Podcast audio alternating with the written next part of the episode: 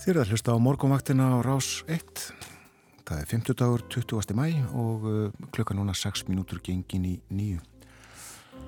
Og það er komið að heimsklukkanum, bói Ákusson uh, komið til okkar í hljóstofu. Heil og sæl og góðan dag.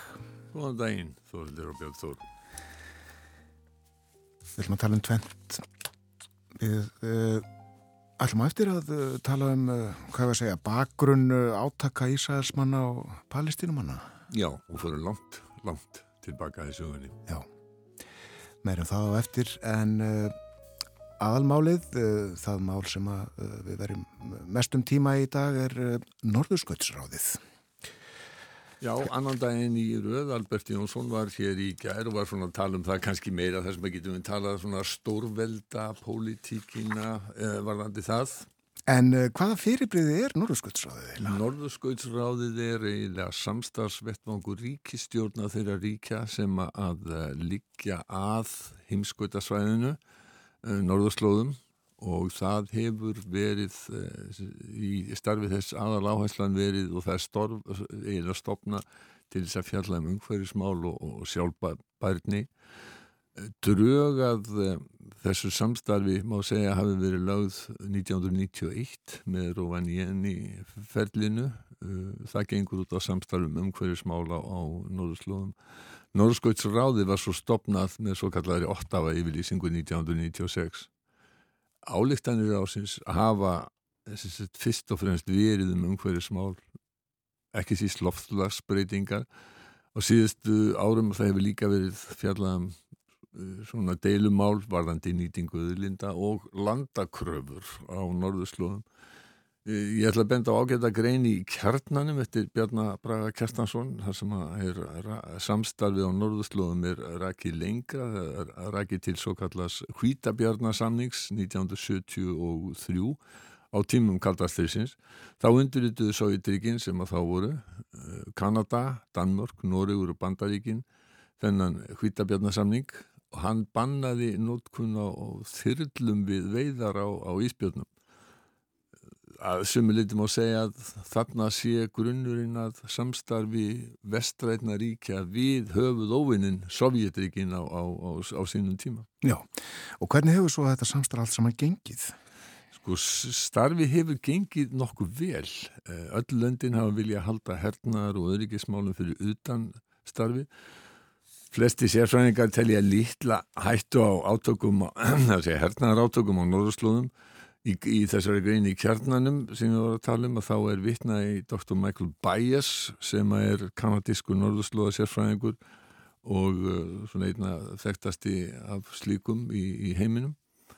Uh, hann bendir á að þetta svæði sé gríðarlega víðáttumikil, stór svæði, torffær og hættuleg vegna hafís og erfiðra viðurskilir það og uh, í því samhengi segir Bjarni Bræði í þessari að, og vittnar í bæs að, að bæs hafi talað um að yfirmaður kanadíska flótans hafi verið spurður um hvernig myndi breyðast við ef að innrásar hér kæmi að Kanada um Íshafið Mm. og yfirmaður kanadíska flótans sa- sagði ég myndi byrja á því að fara og bjarga þeim Já.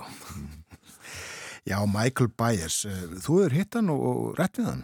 Já, við rættum við hann í, í viðtalinu fyrir nokkurum árum og, og þá var hann einmitt spurður af því hvort það væri hægt á átökum vegna þess að, að það eru ekki færi en þrjú lönd sem að gera tilkatt til yfiráða á norðupólnum. I think at least three countries more or less claim sovereignty over the North Pole. Is there danger of conflict? Uh, no serious danger of conflict. Uh, and I don't think that conflict would start in the Arctic. Conflict might start in the South China Sea and eventually spread to the Arctic, but I don't see it starting in the Arctic.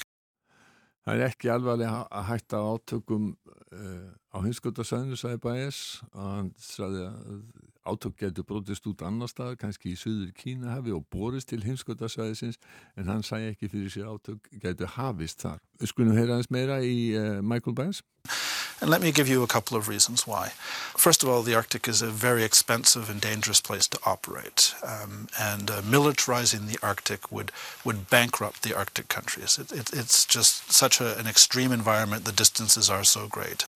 Þannig að sagði bæðis að eina ástæðan þess að heimskvölda svæði sé ólíklegur upprunni átaka er að svæðið er hættulegt og gríðarlega stórt og hernaðar uppbygging þar mjög kostnæðasum og gæti bara hreinlega sett löndin á sveðinu á, á, á, á hausin. Já, eh, Sergei Lavrov, auðvitaðsráþurar Rúslands, eh, rætti þessi máli fjölmjölum fyrir vikunni, eh, kom með mjög merkilega aðteklisverðaði yfirlýsingu.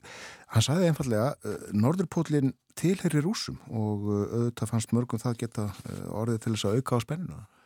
Jú, Jú, jú, það er uh, svo sem alveg rétt og, og uh, svo ég vitni í annan mann sem var í morgunútvarpi danska útvarsins sem er svona morgunvakt þeirra dana, P1 Móen í, í, í gær, þá sagði hann að, að landsbangast strúi heitir hann, hann er framkvæmtastjóri Alland saminslútningin sem er uh, dansk hugveita um, og svona tengd, já, við getum að sumuleiti hugsanlega líkt við á svona yngislega skilt með Varberg, samtökum með vestræðinu samfunni hér á Íslandi.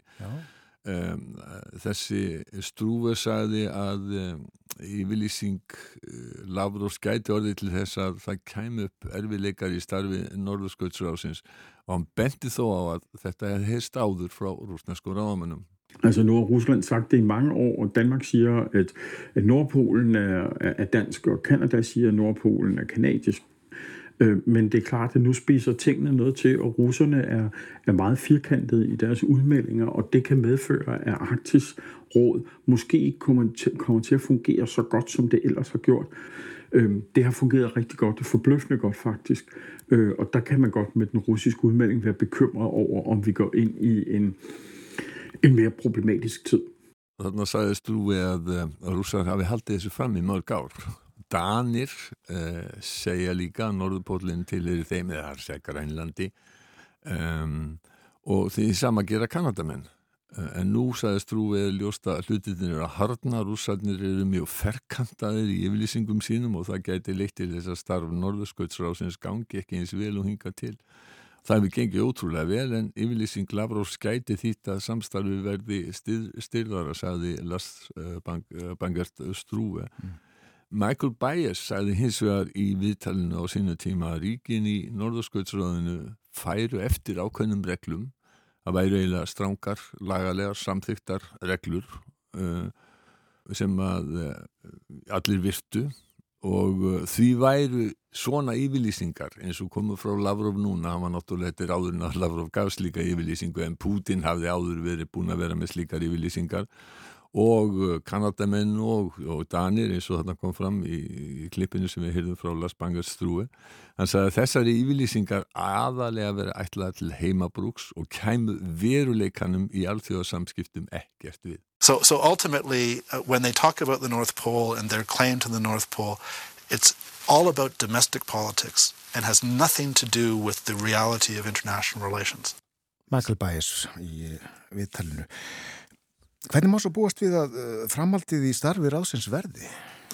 Sko, flesti sérfræðingar eru á því að líklega haldi Norðskvöldsráðið áfram að vera svona eins konar gríðastæður í stórvildapolítikinni. Einar Gunnarsson sendi þeirra sem er formaður, hefur verið formaður embætismann nefndar eh, Norðskvöldsrásins hann saði í fréttum Rúf núna í fyrrata held ég að hafi verið að þegar átök millir stórvildana hafi uh, eiginlega sett marksitt á, á allt annað alþjóðarsamstarf þá hafi tekist að keira samstarfið í Norðskvöldsráðinu áfram án teljandi vandræða. Já og svo við vittum aftur í Albert Jónsson sem var hérna hjá ykkur í, í gær að þá, þá, þá sagði og hann náttúrulega er, er uh, sérfræðingur í öryggismálum sérfræðingur í málöfnum Norðurslóða fyrirvendi sendi herra bæði í Washington og, og, og, og Moskú og gjör þekki þetta að innan og utan sem fræðamæður hann segir að hann sagði sko að og verðt að ítrekka það að, að miklir hagsmunir rúsa á norðurslúðum hafi verið mikilsverð ástæða þess að starfið í norðursköldsröðunni hafi gengið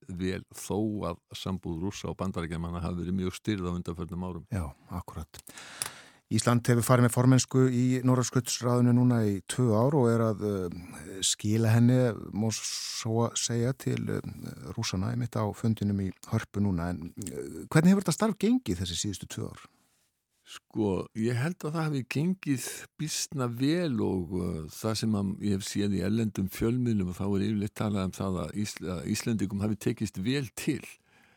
Íslendika tóku við keflinu í Rovaniemi fyrir tveimur árum og þá var, það var einn af vondu fundum uh, Norðurskjöldsrásins uh, og þá var, já, hafði snurða hlaupið á, á þráðinn. Um, andin var mjög slæmur þá Mike Pompeo sem var utan ekki svo þeirra bandaríkjana á, á, á þessum tíma, hann rauf hefðina um að halda stórvelda politík utan við starf Norðurskautsrásins og hann húðskamaði kynverja, hann húðskamaði rússa uh, og svo var stjórn Donald Trumps uh, hún gæti ekki sætt sig við drauga samiðilegri yfirlýsingu og af hverju? vegna þess að það var talað um lofslagsbreytingar af mannavöldum og þeir þáverandi ráðamenn þeir bara trúði, trúði ekki á, á, á, á slíkt. Sko. Já, þannig að það voru svona öruvísi tímar verri en uh, oftast áður uh, meðan uh, Donald Trump var í kvítahúsinu. Já, það var það sko mm. og núna þráttur daldi harkalega yfirlýsinga Joe Bidens þar sem hann meðal hans jánkaði því þegar hann var spurðu hvort hann telti Putin vera morðingja og já, og yfirlýsingar um það að rússar fengi að borga fyrir uh, syndi sinnar að þá vilði svona smá þýð að vera að koma.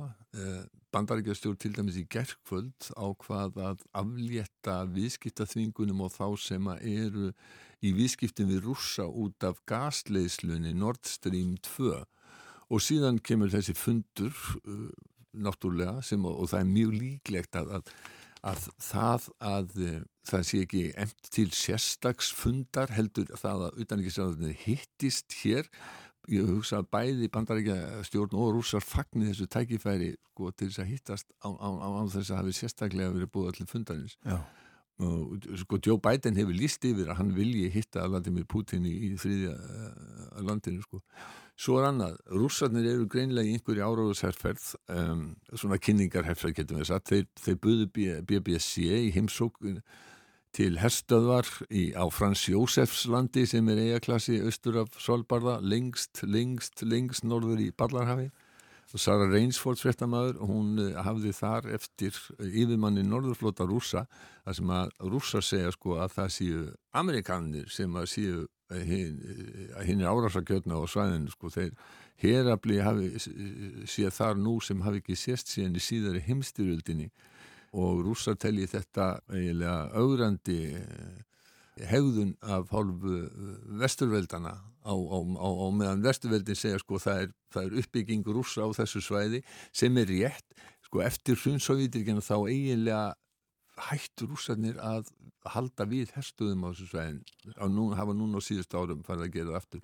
Og það er mjög skiljaðan vegna þess að hagsmunni að þarna eru gríðarlegir á, á norðurslöðum og þeir náttúrulega sko Sýberja öll og, norðurströndur Rúslands þetta er gríðarlegt landflæmi sem að og, og, og norðaustur syklingaleiðin fer þarna um þannig að rússar eiga mikill að hagsmunni gæta og þeir vilja skiljan ekki að, að, einhverju aðri síðan flækjast þannig.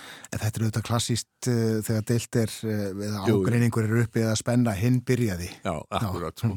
En þessi fundur, hefur hann vakið miklu aðtikli? Við skulum orðaða þannig að í alltjóðlegum fjölvunum að þá var meira fjallaðum koronavirus með gagnamagsins uh, heldur en þennan fund. Já, nefnilega. Bói, við ætlum núna til miðausturlanda. Já, við skulum gera það og, og, og svona ekki tala um akkurat þessi átök sem eru þarna núna heldur um bakgrunin mm. og uh, Ísæðismenn uh, þessi að gýðingar þeir bygguðu þetta í Ísæðisríki hinnu forna eins og allir sem að hafa lesið einhverja kristifræði vita. Rómverja lögðu þetta svæði undir sig og kalluðu Júti eh, en eftir uppreist gýðinga gegn Rómaríki á fyrstu öld og, og annari öld og þá voru þeir reknir í útleð Eftir tíma Rómverja þá ríða Araparíki landinu sem við kallum Palestínu, eh, ekki síst Egiptar. Á 16. öld þá lögðu Tyrkir undir sig öll landin fyrir botni miðjararhafs og eh, þau eruðu hluti af eh, ottomannaveldi þeirra. Íslam hafði, hafði verið ráðandi trúabröð á þessu svæði frá 7. eða 8. öld og, og við, við skulum sleppa krossferðunum þar sem að Kristín Vestræni ríki gerði tilvönd til þess að leggja landið undir sig og tósta og, og, og voru svo hræstir í burtu en gýðingar voru einlega dreifiðir um, um, um uh, Evrópu og Norður Afríku og víðar þeir allstaða nánast máttu þeir þóla ofsóknir og þeir röktust á milli landa.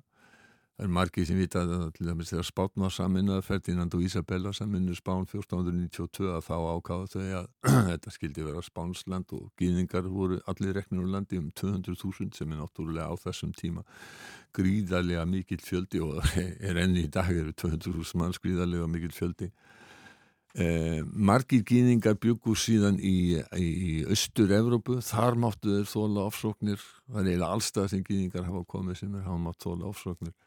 Jável í, í bandaríkjum, þar sem að Ulysses Grant rakð á uh, hérna frá, frá einhverju borg í Tennessee, minni mig, eh, en eh, sent á, á 19. öldinni að þá eh, eru það sem að kalla eru pogroms sem eru bara hreinar nánast skipulaðar ofsóknir gegn gýðingum í Östur-Európu í rúsneska keisaraveldinu eh, sem að Póland tilhyrði þá.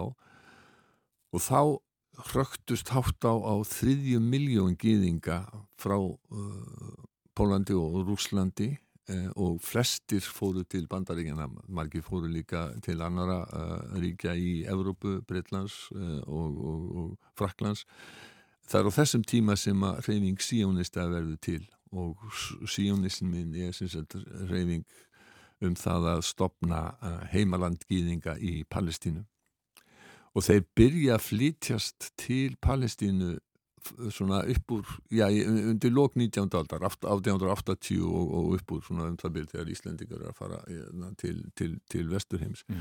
en auðvitað voru fyrir palestínumenn palestínu-arabar síðan hérna gerist það að í fyrirhinsturildinni að þá gefa breytar út svo kallar balfúri yfirlýsingu um það að, að stjórn eh, breyta sé meðmælt því að eh, gýðinga flytist þarna og þeir flytjast í aðstæra mæli og, og, og hérna svo koma náttúrulega ofsóknir Hitlers þar sem að margar miljónir þeirra eru, eru, eru drefnar í ásvits og fleiri útrýmingabúðum og þannig að það er mikil samum með gýðingum eftir setni heimstyrjöldina og þeirri hugmynda þeir fái heimalandi í Palestínu og þá er minna hugsað um palestínumenn.